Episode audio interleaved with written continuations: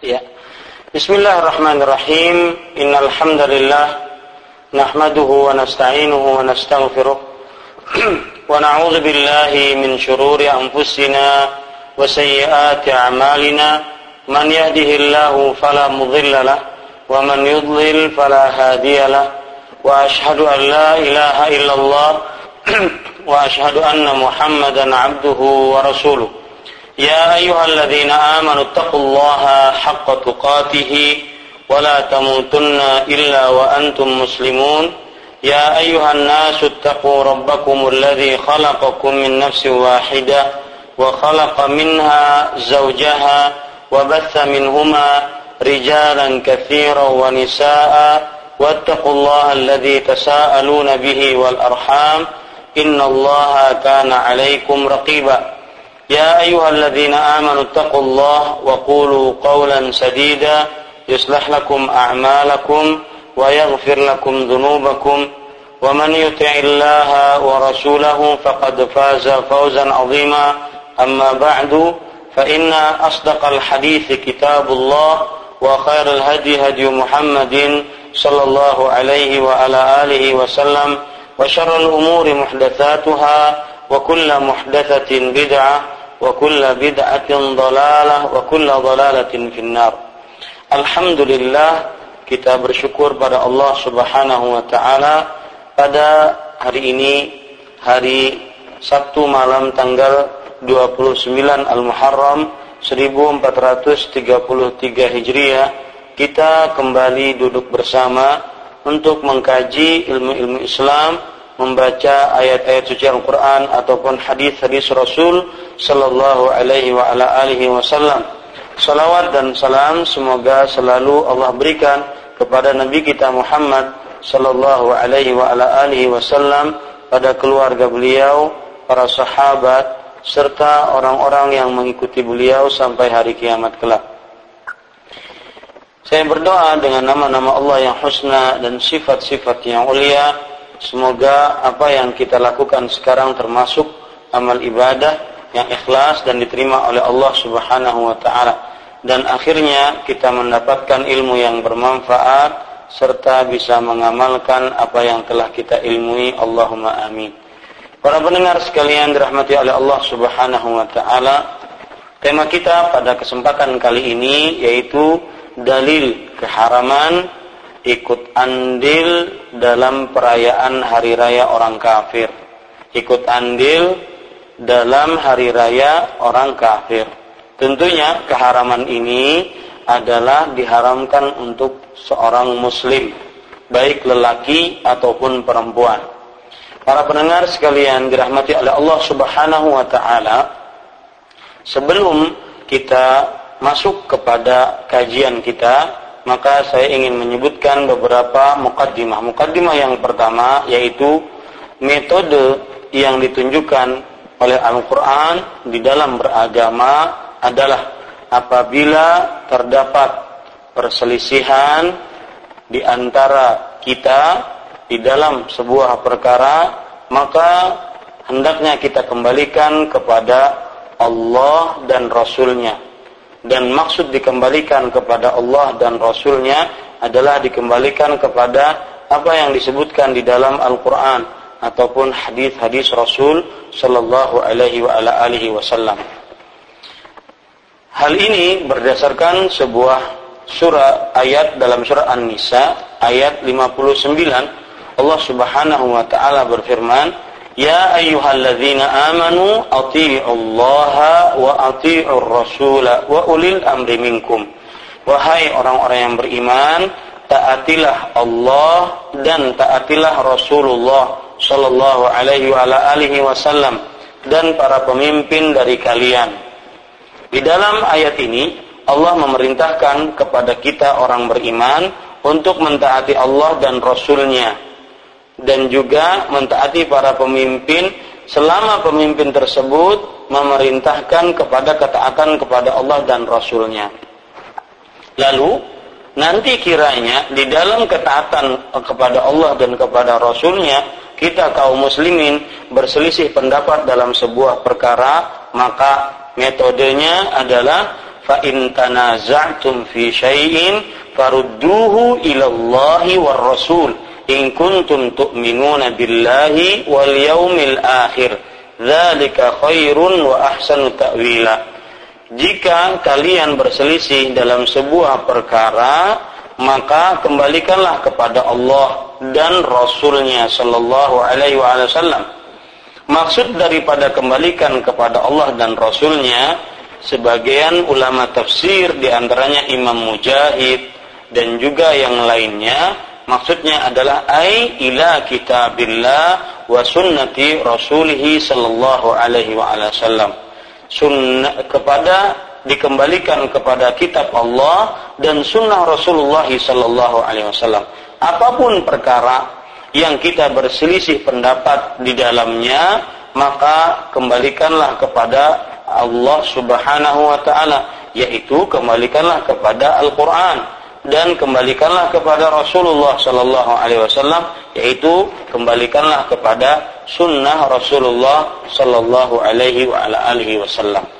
Nah, kalau sudah kita pahami ini, para pendengar sekalian, Imam Ibnu Katsir rahimahullah taala beliau menafsiri ayat ini. Coba perhatikan perkataan beliau, "Wa hadza amrun minallahi azza wa jal bi anna kulla shay'in tanaza'a an-nasu fihi min usulid din wa furu'ihi an yarudda at-tanazu'u fi dzalika ila al-kitab wa sunnah."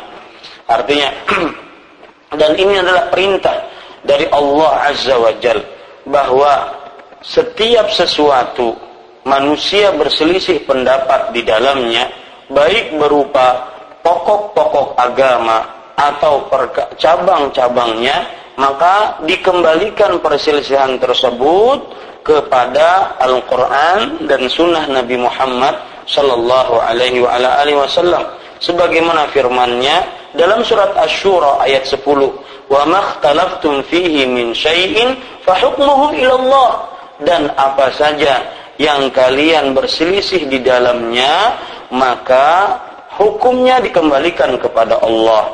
Fama hakama bihi kitabullah wa sunnatu rasulih sallallahu alaihi wa ala alihi wasallam wa syahida lahu bisihhati fahuwal haq.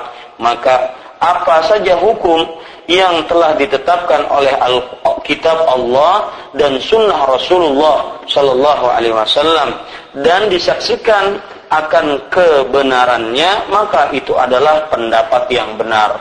Wa ma ba'dal haqqi illa dhalal dan tidak ada kebenaran setelah dan tidak ada sesuatu setelah kebenaran melainkan kesesatan.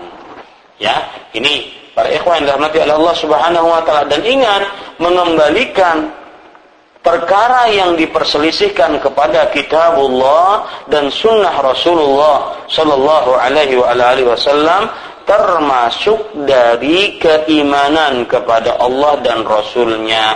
Karena Allah berfirman setelah itu, "In kuntum tu'minuna billahi wal yaumil akhir." jika kalian beriman kepada Allah dan hari akhir. Imam Ibnu Katsir rahimahullahu taala mengatakan fadalla ala anna man lam yatahakam fi majalin niza' ila al-kitab was sunnah wa la yarji'u ilayhi ma fi dhalika falaysa mu'minan billah wa la bil yaumil akhir. Maka hal ini menunjukkan bahwa Siapa yang tidak berhukum di dalam sesuatu yang diperselisihkan kepada Al-Quran dan Sunnah dan tidak kembali kepada keduanya di dalam perkara tersebut maka bukan sebagai orang yang beriman kepada Allah dan hari akhir. Kemudian para pendengar sekalian tentu kalau seandainya seorang atau beberapa orang yang berbeda pendapat di dalam sebuah perkara kemudian mereka kembalikan kepada Allah yaitu kembalikan kepada Al-Quran dan juga kembalikan kepada sunnah Nabi Muhammad sallallahu alaihi wasallam maka yang demikian akan lebih baik bagi mereka. Dan akhir kesudahannya juga akan lebih baik. Coba perhatikan di akhir ayat Allah berfirman dzalika khairun kata Imam Nukatsir ai at-tahakumu ila kitabillah wa sunnati rasulih sallallahu alaihi wa ala alihi wasallam warruju'u fi faslin niza' ilaihi wa khairun. Maksudnya berhukum kepada kitab Allah dan sunnah Rasulullah Sallallahu Alaihi Wasallam dan kembali di dalam pemutusan hal yang diperselisihkan kepada Al-Quran dan Sunnah itu adalah lebih baik. Wa ahsanu ta'wila maksudnya adalah wa ahsanu aqibah wa ma'alan dan itu adalah kesudahan yang baik dan akhir perkara yang baik pasti kalau orang berhukum kepada Al-Quran dan Sunnah pasti akan mendapatkan yang terbaik. Dan akhir yang baik, happy ending, pasti itu. Hal ini yang perkataan-perkataan tadi disebutkan oleh Imam Ibnu Katsir rahimahullah. Beliau mengatakan itu adalah tafsirannya Imam As-Suddi dan juga Imam Mujahid rahimahullahu taala. Poin yang kedua, para pendengar sekalian dirahmati oleh Allah Subhanahu wa taala atau sebelum poin yang kedua, saya ingin menyebutkan bahwasanya di saat-saat sekarang ini banyak sekali pertentangan, perbedaan pendapat, terutama permasalahan yang kita bicarakan sekarang, yaitu hukum keharaman atau dalil keharaman ikut andil perayaan hari raya orang kafir. Ada yang membolehkan, ada yang mengatakan makruh, ada yang mengatakan sesuai dengan niatnya, ada yang mengatakan haram dan sebagainya. Maka karena kita berselisih dalam hal ini, kembalikan kepada Al-Quran, kembalikan kepada Sunnah. Apa saja yang disebutkan oleh Al-Quran dan apa saja yang disebutkan dalam Sunnah Nabi Muhammad SAW, kita harus tunduk padanya. Karena itu lebih baik dan karena akan menyudahi dengan kebaikan dan jangan lupa itu tanda keimanan kepada Allah dan Rasulnya nah ini para pendengar sekalian dirahmati oleh Allah Subhanahu Wa Taala kemudian poin yang kedua yang ingin kita bahas yaitu perhatikan baik-baik kita tadi mengatakan tema kita adalah dalil keharaman ikut andil hari raya orang kafir hari raya Perhatikan baik-baik. Hari raya menurut uh, agama Islam definisinya adalah Al-Idu ismun jins. Al-Idu ismu jins. Artinya apa? Id adalah kata jenis. Yadkhulu fihi kullu yaumin aw makanin lahum fihi ijtima'un. Masuk ke dalamnya seluruh hari atau setiap hari atau setiap tempat bagi mereka yang berkumpul di dalamnya. Yang terdapat perkumpulan di dalamnya ya itu disebut dengan hari raya wa kullu amalin yuhdithunahu fi hadhihi al-amkinati wal azminati dan setiap amalan yang mereka buat-buat pada tempat-tempat dan waktu-waktu tersebut. Itu yang disebut dengan hari raya. Jadi hari raya adalah setiap eh, kata yang menunjukkan setiap hari atau setiap tempat yang orang-orang berkumpul di dalamnya. Orang-orang memperingati sesuatu di dalamnya. Inilah yang disebut dengan hari apa? Hari raya. Kemudian para pendengar sekalian dirahmati oleh Allah Subhanahu wa taala. Sebelum kita menyebutkan dalil-dalil tentang ya keharaman ikut andil seorang muslim hari raya orang kafir, maka saya ingin menyebutkan beberapa penemuan.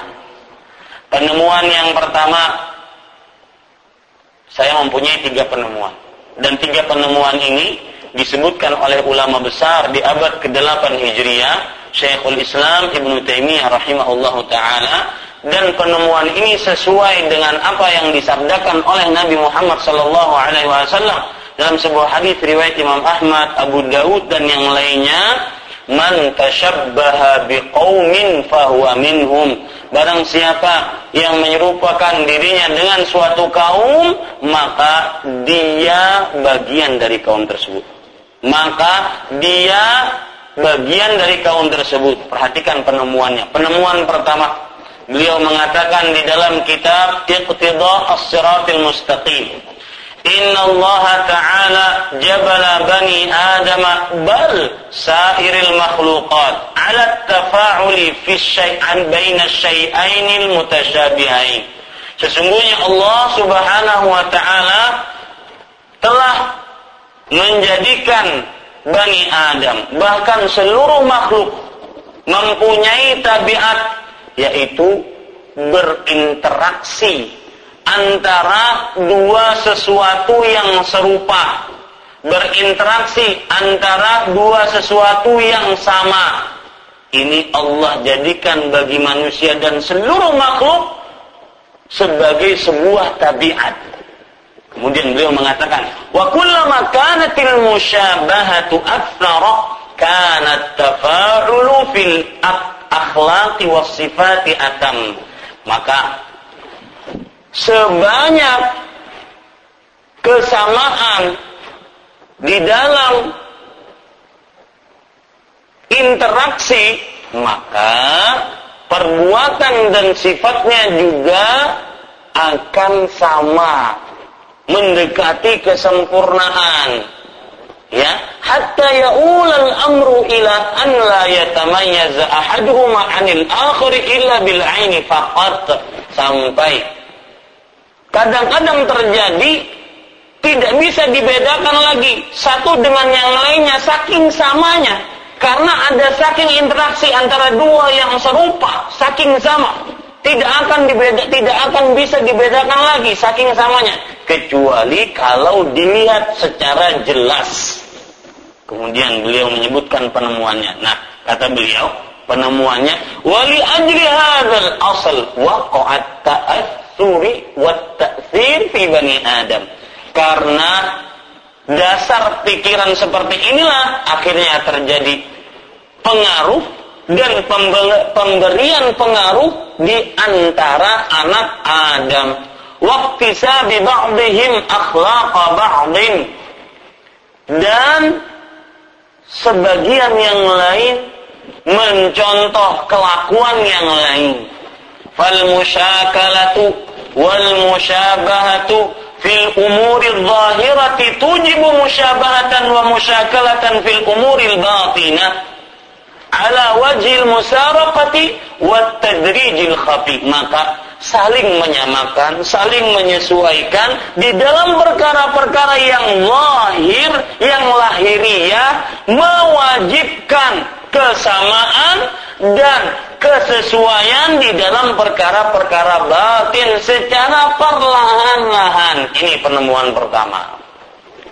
Jika seseorang menyamakan diri dengan orang lain dalam perkara lahiriah, pada baju, pada tingkah laku, pada ucapan, maka kesamaan tersebut atau sikap penyamaan diri tersebut terhadap orang lain tersebut akan mewajibkan sifat kesamaan, kesesuaian, keserasian dengan orang yang dia tiru di dalam perkara keyakinan secara perlahan-lahan.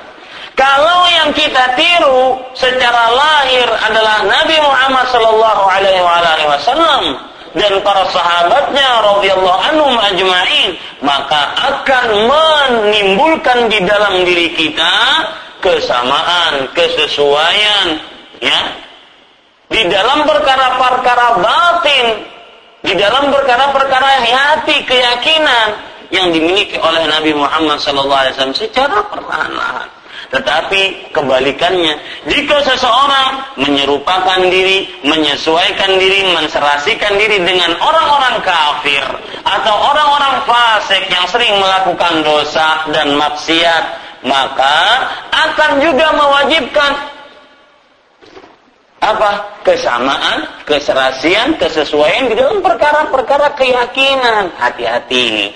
Ya, kalau seorang muslim Terutama pada waktu-waktu sekarang ini menyerupakan dirinya mungkin di sekolahan-sekolahan, mungkin di kantor-kantor, sebagian pegawai karena ada hari raya orang kafir dekat-dekat ini, maka sebagian orang ingin menyesuaikan diri dengan pakaian-pakaian atau hal-hal lahir yang ada pada orang-orang kafir. Akibat hari raya mereka, maka ini akan mewajibkan keserasian, kesesuaian di dalam perkara batin nantinya secara perlahan-lahan.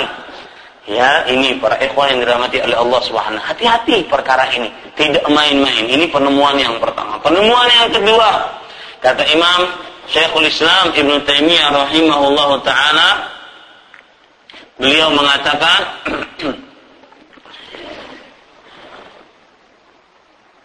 kama anna al-musyabahata fi dhahir turithu naw'a mawaddatin wa mahabbatin wa muwalatin fil batin sebagaimana penyesuaian diri, penyerupaan diri di dalam perkara lahir akan mewariskan semacam kecintaan, semacam kasih sayang dan semacam sikap pertolongan di dalam hati. Perhatikan baik-baik. Maka tidak heran kita kalau ada orang yang suka menyerupai orang-orang kafir, baik di dalam perkara lahirnya, misalkan dalam perkara pakaian, terutama dalam pakaian-pakaian khusus bagi orang-orang kafir, terutama dalam hari raya-hari raya orang kafir, ada pakaian khusus mereka ada sebuah simbol khusus mereka. Dipakai oleh seorang muslim maka ini akan mewariskan apa? Mewariskan sikap semacam ada kecintaan ada kasih sayang ada ingin menolong. Makanya tidak heran kadang-kadang kita mendengar seorang muslim mengatakan Kenapa sih mereka disalahkan? Mereka kan juga orang beragama. Toh mereka juga tidak berbuat buruk kepada kita. Kenapa sih mereka dikatakan orang kafir? Kenapa sih mereka tidak boleh kita tolong? Kenapa sih mereka tidak boleh kita cintai?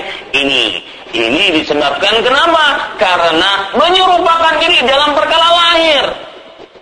Anak-anak SMP, SD memakai pakaian-pakaian khusus hari raya orang-orang kafir yang tertentu yang memang simbol mereka ini tidak boleh. Kenapa? Karena akan mewariskan kecintaan, kasih sayang yang mana sebenarnya itu tidak diperbolehkan kecuali bagi orang-orang muslim. Allah berfirman dalam surat Al-Mujadalah ayat 22, "La tajidu qauman yu'minuna billahi wal yawmil akhir yuwaduna man hadallaha wa rasulah walau kanu aba'ahum aw abna'ahum aw ikhwanahum aw ashiratahum."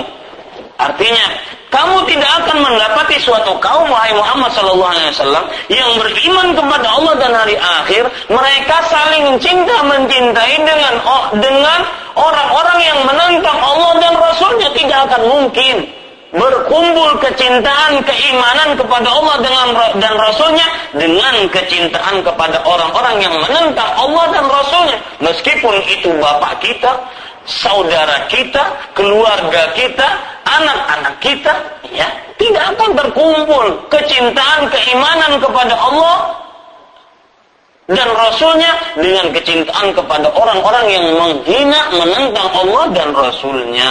Perhatikan itu baik-baik, ya.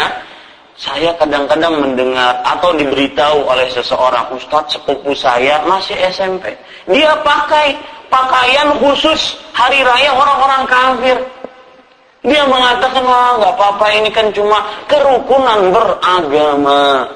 Ini kan yang penting kan hatinya, perhatikan baik-baik. Pelan-pelan, secara pelan-pelan akan nantinya ada timbul diwariskan oleh setan di dalam hatinya kecintaan kepada agama orang kafir. Kemudian ke kasih sayang kepada orang kafir. Kemudian sikap Anda ingin menolong kepada orang kafir. Ini hati-hati. Wala sikap loyal hanya kepada Islam dan kaum muslim. Dan wala ini tidak menafikan kita berbuat baik kepada orang lain. Jika ada tetangga kita orang kafir, Islam mengajarkan untuk berbuat baik kepada tetangga. Tetapi masalah cinta, masalah benci terdapat pada hati. Ini penemuan yang kedua. Penemuan yang ketiga, Syekhul Islam Ibn Taimiyah rahimahullah taala berkata, Innal musyarakata fil hadi zahiri turithu tanasuban wa tashakulan bainal mutasyabihaini yaqudu ila muwafaqati ma fil akhlaqi wal a'mal. Perhatikan ini penemuan yang ketiga luar biasa. Sesungguhnya keselarasian, keserasian dan penyerupaan di dalam hal yang lahir mewariskan kesamaan, keserasian di antara dua yang serupa yang akan mendorong kepada kesamaan dalam tingkah laku dan perbuatan. Hati-hati, ya.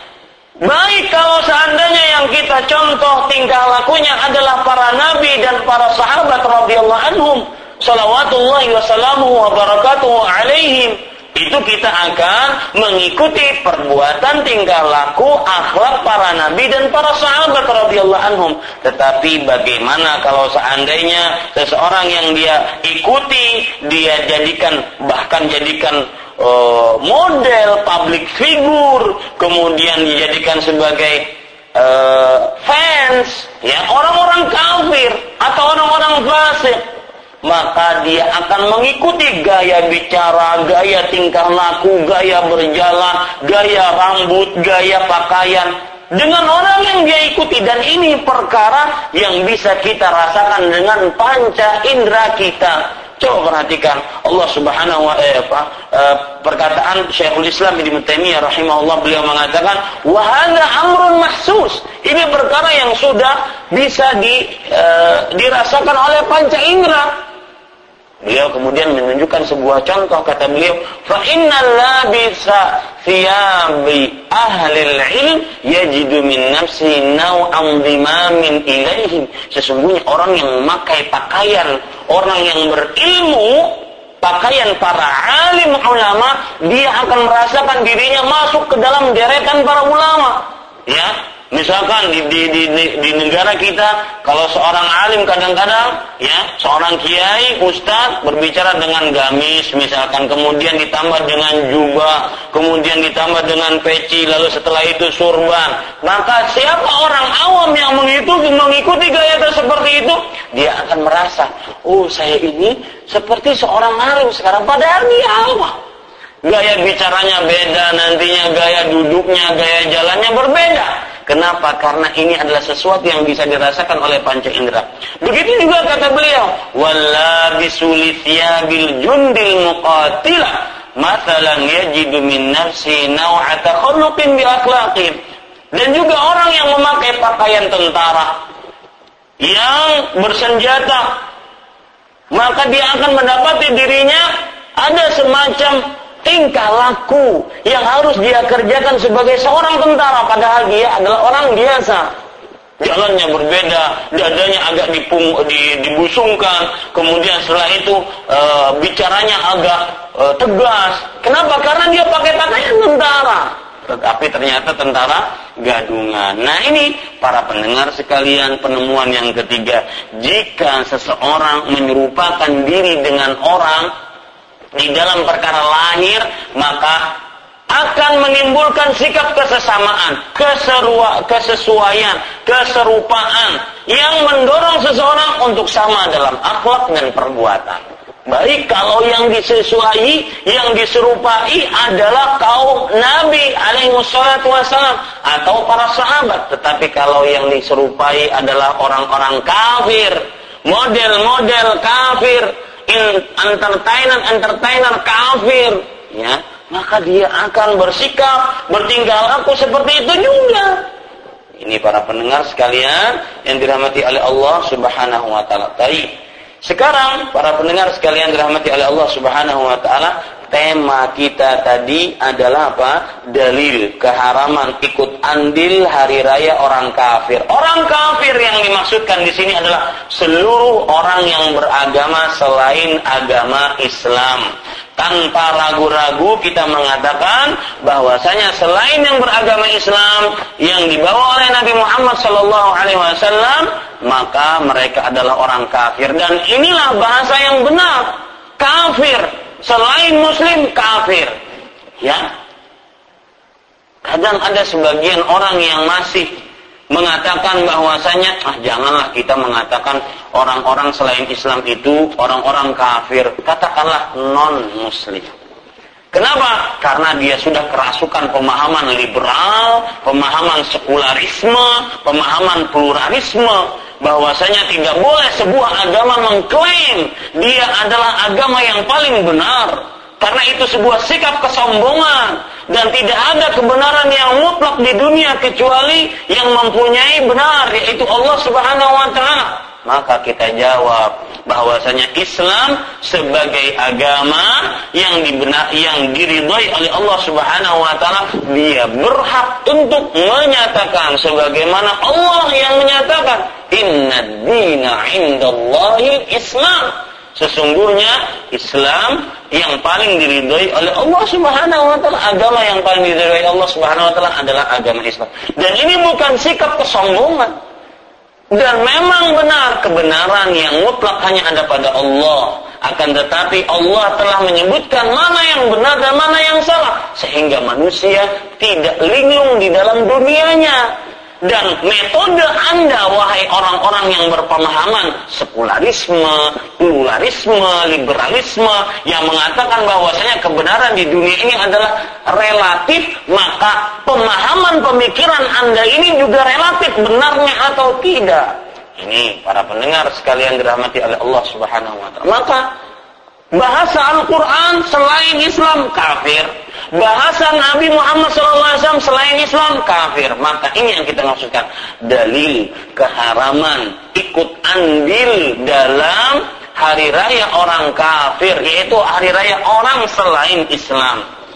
Ya, dan para pendengar sekalian, maksud daripada ikut andil apa saja sebuah keandilan besar ataupun kecilnya keandilan tersebut maka haram hukumnya. Ikut andil dalam hari raya orang kafir.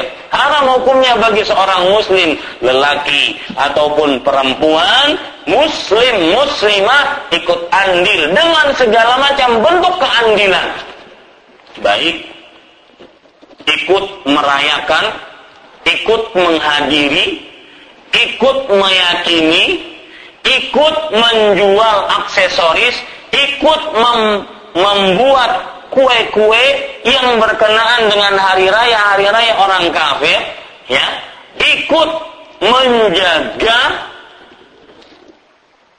hari raya hari raya orang kafir, maka ini ikut mengucapkan selamat pada hari raya hari raya orang kafir, maka ini semua adalah diharamkan.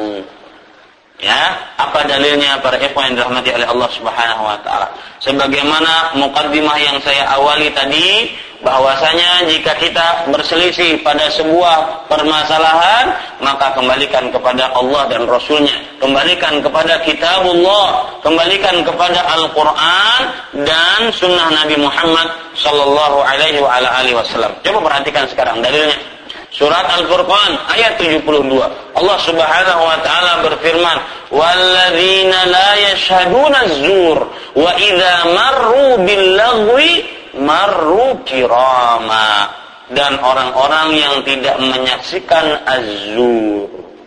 Apa itu az-zur? Imam Ibnu Katsir rahimahullahu taala menukilkan perkataan beberapa ulama tafsir dari generasi tabi'i orang-orang yang melihat para sahabat yang mana para sahabat ilmunya diambil dari Rasulullah Sallallahu Alaihi Wasallam.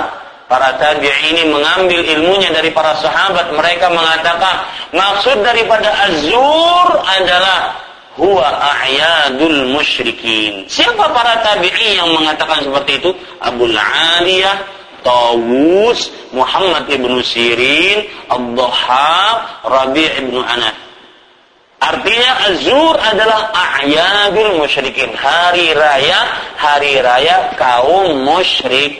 Sifat orang yang beriman, hamba Allah. Karena di dalam surat Al-Furqan, di akhir-akhir surat Al-Furqan, sampai ayat terakhir dari mulai ayat yang ke uh, tujuh puluhan Allah subhanahu wa ta'ala berfirman wa ibadur rahman dan hamba-hamba Allah yang maha pengasih Sifat-sifatnya di antaranya Allah sebutkan dalam surah Al-Furqan ayat 72. Walladzina la yashhaduna zur dan orang-orang yang tidak bersaksi, tidak menyaksikan azur. Azur artinya adalah a'yadul musyrikin. Artinya apa?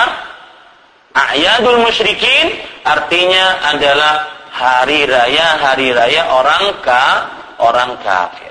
Baik, para pendengar sekalian dirahmati oleh Allah Subhanahu wa taala. Dalil yang lain, Allah Subhanahu wa taala berfirman, "Tsumma ja'alnaka 'ala syari'atin minal amri fattabi'ha wa la tattabi' ahwa'al ladzina la ya'lamun." Kemudian kami jadikan engkau atas sebuah syariat, maka ikuti syariat tersebut dan jangan ikuti kemauan orang-orang yang tidak mengetahui. Maksud ayat ini atau sisi pendalilan dari ayat ini surat Al-Jathiyah ayat 18 dalam ayat ini Allah Subhanahu wa taala memerintahkan Nabi Muhammad sallallahu alaihi wasallam untuk mengikuti syariat yang sudah dijadikan untuk beliau. Dan tidak boleh mengikuti kemauan hawa nafsu hawa nafsu orang-orang yang tidak mengetahui dan setiap yang menyelisih syariat Nabi Muhammad SAW itulah hawa nafsu hawa nafsu orang-orang yang tidak mengetahui. Itulah kemauan-kemauan orang-orang yang tidak mengetahui. Jadi para pendengar sekalian dirahmati oleh Allah Subhanahu wa taala termasuk dari dalil Al-Qur'an yang menunjukkan bahwa keharaman untuk ikut andil dalam syariat eh, dalam uh, hari raya orang kafir adalah kita diperintahkan untuk mengikuti syariat Nabi Muhammad SAW dan dilarang untuk mengikuti ha hawa nafsu, kemauan-kemauan orang-orang yang tidak mengetahui. Orang-orang yang tidak mengetahui yaitu selain umat Nabi Muhammad Wasallam. Surat Al-Jasiyah ayat 18. Kemudian Para pendengar sekalian dirahmati oleh Allah Subhanahu wa taala, termasuk dalil dari Al-Qur'an yang menunjukkan akan e, keharaman ikut andil hari raya orang kafir adalah surat Al-Maidah ayat 48. Allah Subhanahu wa taala berfirman, Likullin ja'alna minkum syir'atan wa minhaja. Atau saya baca ayatnya dari dari awal ayat. Wa anzalna ilaikal kitaba bil haqq musaddiqan lima baina yadayhi wa muhaiminan alaih dan sungguh telah kami turunkan kepada engkau wahai Muhammad sallallahu alaihi wasallam Al-Qur'an dengan kebenaran membenarkan kitab-kitab sebelumnya dan menjadi pemutus hukum atas kitab-kitab sebelumnya. Fahkum bainahum bima anzalallah. Maka hukumilah, putuskanlah hukum di antara mereka dengan apa yang telah Allah Subhanahu wa taala turunkan. Wala tattabi ahwa'ahum ini dan jangan ikuti kemauan-kemauan mereka amma ja'aka minal haq dari apa yang telah datang kepada engkau dari kebenaran. Likulli likullin ja'alna minkum syir'atan wa minhaja. Artinya setiap umat telah kami jadikan dari kalian syir'ah. Syir'ah artinya kata Abdullah bin Abbas radhiyallahu anhuma adalah sabilan. Sabilan jalan. Ya, setiap dari umat ada jalannya masing-masing. Wa minhaja. Minhaja artinya adalah jalan yang lurus. Jalan yang jelas. Ya. Jadi setiap umat mempunyai hari raya masing-masing. Kita umat Islam ada hari rayanya. Mereka kaum kafir, kaum musyrik ada hari rayanya. Tidak boleh dengan dalih rukun beragama kita mencampur adukan hari raya satu dengan yang lainnya. Ini para pendengar sekalian dirahmati oleh Allah Subhanahu wa taala. Kemudian para pendengar sekalian dirahmati oleh Allah Subhanahu wa taala. Termasuk dalil juga yaitu surat Al-Hajj ayat 34. Allah Subhanahu wa taala berfirman, "Wa likulli ummatin ja'alna mansakan liyadhkuru ismallahi 'ala ma razaqahum min bahimatil an'am." Fa ilahukum ilahun wahidun falahu aslimu wa basyiril mukhbitin.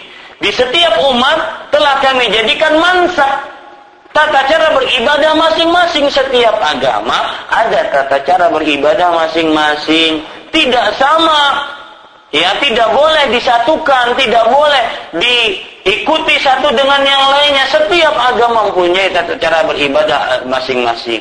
Liyadhkurusmallahi ala ma razaqahum min bahimatil an'am. Agar mereka menyebut nama Allah atas apa yang telah Allah berikan kepada mereka dari binatang-binatang ternak Nah, para ikhwah yang dirahmati oleh Allah Subhanahu wa taala, setelah itu Allah berfirman apa? Fa ilahukum sembahan kalian. Siapa kalian di sini? Yaitu kita umat Islam. Fa ilahukum sembahan kalian yaitu ilahun wahid. Allah Subhanahu wa taala yang tunggal, yang esa. Falahu aslimu maka berserah dirilah kepada Allah Subhanahu wa taala semata wa basyiril mukhbitin dan berikanlah kabar gembira kepada orang-orang yang beribadah. Para ikhwah yang dirahmati oleh Allah Subhanahu wa taala, ayat ini menunjukkan bahwasanya kita sebagai seorang muslim ada tata cara beribadah kita sendiri dan mereka orang-orang kafir, orang-orang musyrik, mereka mempunyai tata cara beribadah mereka sendiri. Tidak boleh orang muslim ikut-ikutan di dalam orang-orang kafir. Ya, tidak boleh juga orang-orang kafir ikut-ikutan andil dalam hari raya orang muslim. Ini para ikhwan dirahmati oleh Allah Subhanahu wa taala. Kemudian dari yang lain. Dari Al-Qur'an juga di dalam sholat seminimal 17 kali sehari kita membaca ayat ihdinas siratal mustaqim. Tunjukilah kami ya Allah jalan yang lurus siratal ladzina an'amta alaihim. Yaitu jalan orang-orang yang engkau berikan anugerah kepada mereka. Siapa mereka? Minan nabiyyin was-siddiqin was-suhad was-syuhada'i was-salihin dari para nabi para orang-orang siddiq orang-orang saleh orang-orang yang berjihad di jalan Allah dan meninggal di sana. Ya tunjukkan kami seperti jalan mereka yang engkau berikan anugerah kepada mereka bukan jalan al-maghdubi alaihim waladdallin. Bukan jalan orang-orang yang maghdub. Orang-orang yang dimurkai oleh Allah Subhanahu wa taala dan orang-orang zalim orang-orang yang sesat. Ya ini para ikhwan yang dirahmati oleh Allah Subhanahu wa taala. Ayat ini menunjukkan bahwasanya kita tidak boleh mengikuti jalan kecuali jalan yang sudah ditunjukkan oleh Allah Subhanahu wa taala dari jalannya para nabi, para sahabat dan juga orang-orang yang diridai oleh Allah Subhanahu wa taala lainnya. Jangan mengikuti kaum yang dimurkai oleh Allah dan kaum yang sesat menurut Allah Subhanahu wa taala. Sebagaimana kata uh, Imam Ibnu Katsir rahimahullah ketika menafsiri ayat ini beliau mengatakan wahuma tariqatul yahud wan nasara Al-maghdubu alaihim dan abdalun yang dimurkai atas mereka dan yang sesat adalah jalannya kaum Yahudi dan Nasrani. Kemudian Imam Ibnu Katsir mengatakan fa inna tariqat ahli iman mustamilatun 'ala al-ilmi bil haqqi wal 'amali bih. Adapun jalannya kaum beriman mencakup pengetahuan terhadap yang benar dan mengamalkan pengetahuan tersebut, mengilmui yang benar kemudian mengamalkan ilmu yang benar tersebut. Jadi ada dua, ilmu kemudian amal. Ini dua perkara tidak akan pernah bisa berpisah syai'ani mutalazimani la yanfaqu ahaduhuma 'anil akhar. Artinya apa? Dua perkara yang saling berkaitan satu dengan yang lainnya tidak akan boleh satu dengan yang lainnya berpisah. Ilmu dan amal. Makanya kata Imam Nukathir rahimahullahu taala wal yahudu faqadul amal wan nasara faqadul ilm. Al yahud Oh, kaum Yahudi mereka kehilangan amal, tidak mau mengamalkan ilmunya, tidak mau beriman kepada Nabi Muhammad Shallallahu Alaihi Wasallam. Padahal di dalam kitab-kitab mereka, mereka mendapati itu.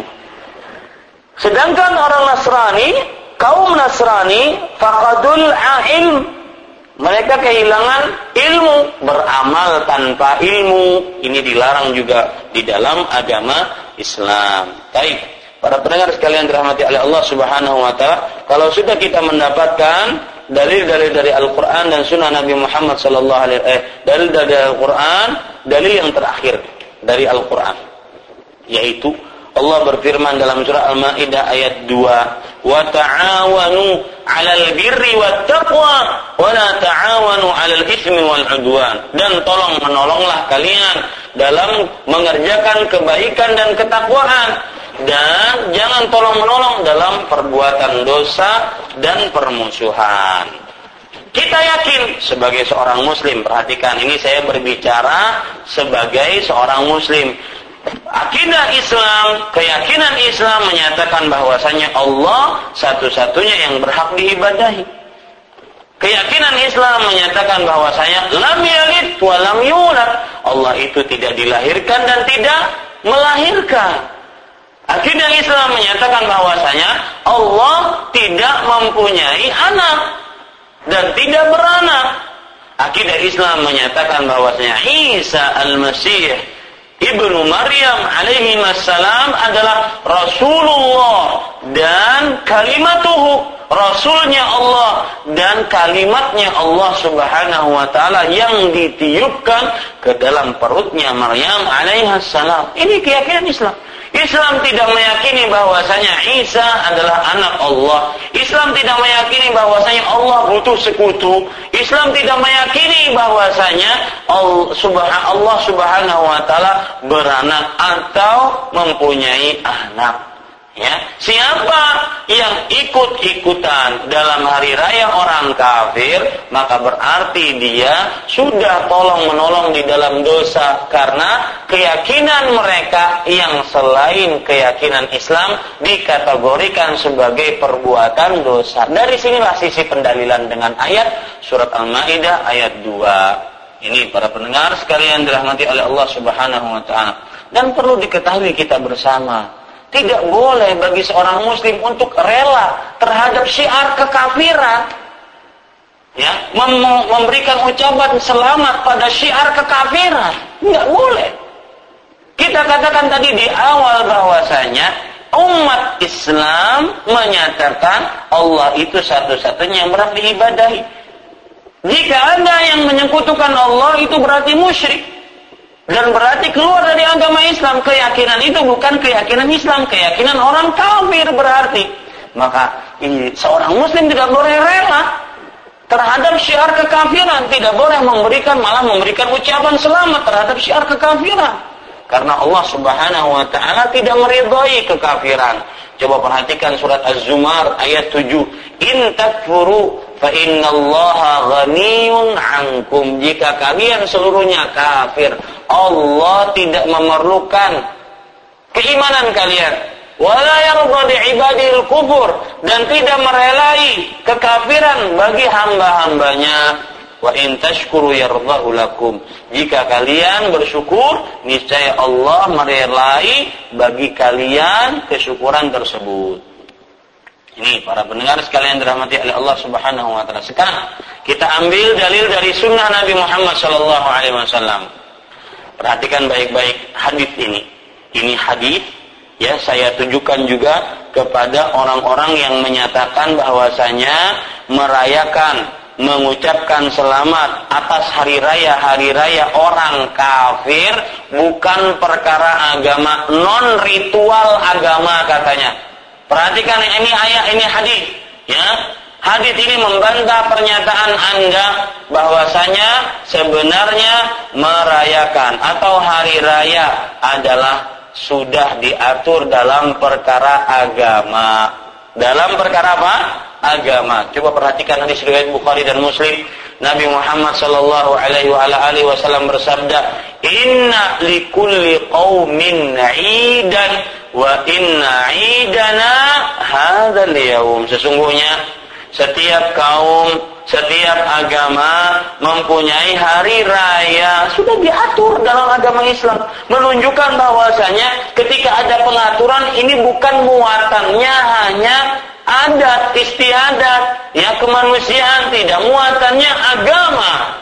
Ya muatannya agama. Saya juga ingin mengingatkan kepada seluruh kaum muslim bahwasanya ketika kita tidak ikut andil dalam perayaan hari raya orang kafir bukan hanya sekedar emosional agama enggak, tetapi memang agama kita berdasarkan kitabullah al-karim berdasarkan sunnah-sunnah Nabi Muhammad SAW melarang keikut andilan kita di dalam hari raya orang kafir bukan hanya sekedar emosional agama perhatikan itu baik-baik ya ini para ikhwan dirahmati oleh Allah Subhanahu wa taala makanya Imam Az-Zahabi rahimahullah setelah hadis ini beliau mengomentari kata beliau فهذا القول منه صلى الله عليه وسلم يوجب اختصاص kulli yaumin bi'i kul maaf kulli qaumin bi'idihim. Maka sabda Nabi Muhammad sallallahu alaihi wasallam ini mewajibkan pengkhususkan setiap kaum dengan aidnya masing-masing.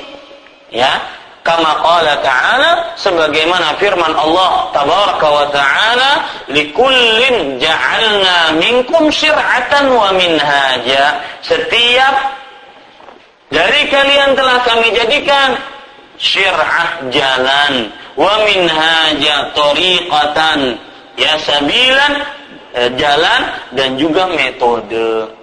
Kemudian Imam Az-Zahabi berkata lagi, "Fa idza kana lin-nasara 'idun wa lil-yahudi 'idun mukhtassina bidzalika fala yusyarikuhum fihi muslimun kama la yusyarikuhum fi syir'atihim wala fi qiblatihim."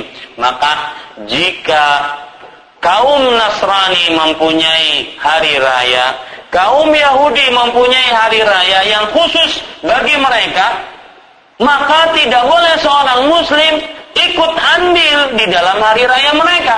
Sebagaimana seorang muslim tidak boleh ikut andil di dalam ibadah mereka, di dalam syariat mereka. Dan sebagaimana seorang muslim tidak boleh ikut andil di dalam kiblat mereka, yaitu yang dimaksudkan oleh Imam Ad-Dahabi apa? Kita kaum muslim kiblat kita Ka'bah al-Musyarrafah. Kalau kita sholat, kita menghadap Ka'bah. Kalau kita ingin berdoa, dianjurkan kita menghadap kiblat.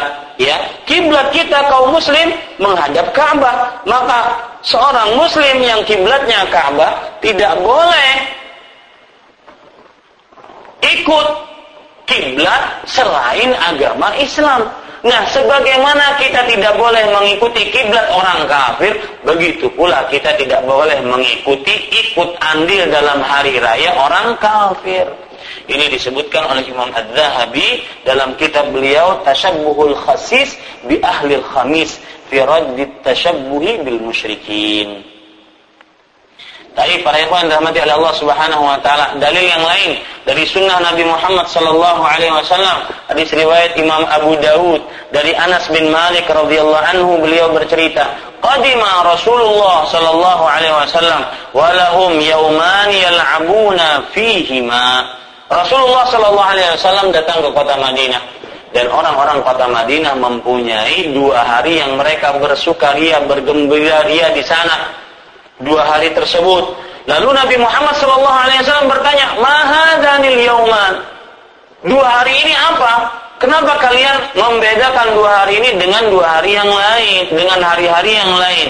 Kemudian eh, orang-orang kota Madinah berkata, Kunna nal'abu fihi ma fil jahiliyah. Wahai Rasulullah, dulu di masa jahiliyah kami bersukaria di dalam dua hari ini. Rasul Shallallahu Alaihi Wasallam langsung menanggapi dengan wahyu dari Allah Subhanahu Wa Taala. Beliau bersabda, Inna Allah qad abdalakum bihima khairan minhuma yaumal adha wa yaumal fitr. Sesungguhnya Allah telah menggantikan kalian dengan dua hari ini dengan sesuatu yang lebih baik dari dua hari ini yaitu hari Idul Adha dan Idul Fitri. Perhatikan hadis ini baik-baik. Bagi yang masih menganggap bahwasanya perkara mengucapkan selamat hari raya orang-orang kafir bukan perkara agama. Rasul Shallallahu Alaihi Wasallam menyatakan Allah telah menggantikan bagi kalian hari raya yang lebih baik sudah berarti ini perkara yang berkaitan dengan agama karena sudah diatur dalam agama Islam ya. Yaitu hari raya Idul Adha dan Idul Fitr. Makanya eh, penjelasan dari Al-Majid Ibn Taimiyah yang dinukilkan oleh Al-Munawi rahimahullah di dalam kitab beliau Faidul Qadir beliau mengatakan wa fi hadza ilgha'un lil a'yad allati kanat fi zamanil jahiliyah. Wa ibdaluha bi a'yadin islamiyah. Maka di dalam hal ini di dalam sikap Nabi Muhammad SAW ini terdapat penghapusan akan hari raya hari raya yang ada di zaman jahiliyah. Dan menggantinya dengan hari raya hari raya Islam Ya, ini para ikhwan dirahmati oleh Allah Subhanahu wa taala. Bal algha ihtifalahum bidzainika al-yawmain. Bahkan Nabi Muhammad SAW menggagalkan atau meniadakan ya, menggagalkan tepatnya uh, perkumpulan mereka pada dua hari tersebut. Dan Nabi Muhammad SAW bersabda, "Abdalakum," yaitu Allah telah menggantikan bagi kalian wal ibdalu yaqtadi tarkul mubdali minhu dan yang dimaksudkan dengan mengganti berarti meninggalkan sesuatu yang sudah diganti. Ini dalil dari sunnah Nabi Muhammad Wasallam. Dalil yang lain, hadis riwayat Muslim, Rasul Wasallam bersabda, "La tabda'ul Yahuda walan Nasara bis salam." Jangan kalian memulai kaum Yahudi dan Nasrani dengan salam yaitu ucapan selamat. Ya dalil yang sangat jelas para ikhwan rahmati Allah Subhanahu wa taala. Kalau kita sudah kita ambil dari dari Al-Qur'an dan Sunnah maka dari Al-Qur'an dan Sunnah inilah akhirnya timbul kesepakatan para ulama Kesepakatan ini disebutkan oleh Imam Nuqayyim rahimahullah dalam kitab beliau Ahkam Ahli Zimmah. Beliau mengatakan wa amma tahni'atu bi sya'ail kufr al-mukhtassati bihi fa haramun bil ittifaq. Adapun ya at-tahni'ah artinya apa? Ma, ma mengucapkan selamat dengan syiar-syiar kekufuran yang khusus bagi mereka, maka ini haram dengan kesepakatan seluruh ulama. Mithlu an yuhanni'ahum bi'a'yadihim wa saumihim seperti memberikan ucapan selamat atas hari raya mereka dan puasa mereka. Ya, dalilnya sangat jelas dan mungkin ada sebagian orang yang berdalih bahwasanya Allah Subhanahu wa taala tidak melarang kita untuk berbuat baik kepada orang-orang yang tidak memerangi kita dari orang kafir. Allah Subhanahu wa taala tidak melarang kita untuk berbuat adil kepada orang-orang kafir yang tidak memerangi kita. Maka kita jawab berbuat baik, berlaku adil di dalam interaksi seorang muslim kepada kaum kafir bukan berarti mencampur adukan permasalahan akidah dengan akidah. Bukan berarti perbuatan baik termasuk daripada eh, perbuatan baik termasuk di dalamnya adalah mengakui hari raya orang kafir, menghadiri ikut andil dalam hari raya orang kafir. Nabi kita Nabi Muhammad SAW yang menurut fakta sejarah dan sejarah tidak pernah berbohong, telah menerapkan rukun beragama dengan baik dan benar. Beliau membiarkan orang-orang selain Islam hidup di dalam agamanya masing-masing. Beliau menerapkan rukun beragama akan tetapi para pendengar sekalian, beliau tidak pernah mencampur andukan hari raya kaum muslim dengan hari raya orang kafir. Jadi perlu diingat di sini yang namanya akidah tersendiri, berbuat baik, berlaku adil tersendiri, tidak ada hubungannya. Ya, jangan berdalih dengan itu karena itu adalah dalil untuk orang yang mengatakan haram seorang muslim ikut andil dalam hari raya orang kafir. Kira-kira ini yang bisa saya sampaikan. Mudah-mudahan bermanfaat. Wallahu alam sallallahu nabi Muhammad. Wassalamualaikum warahmatullahi wabarakatuh.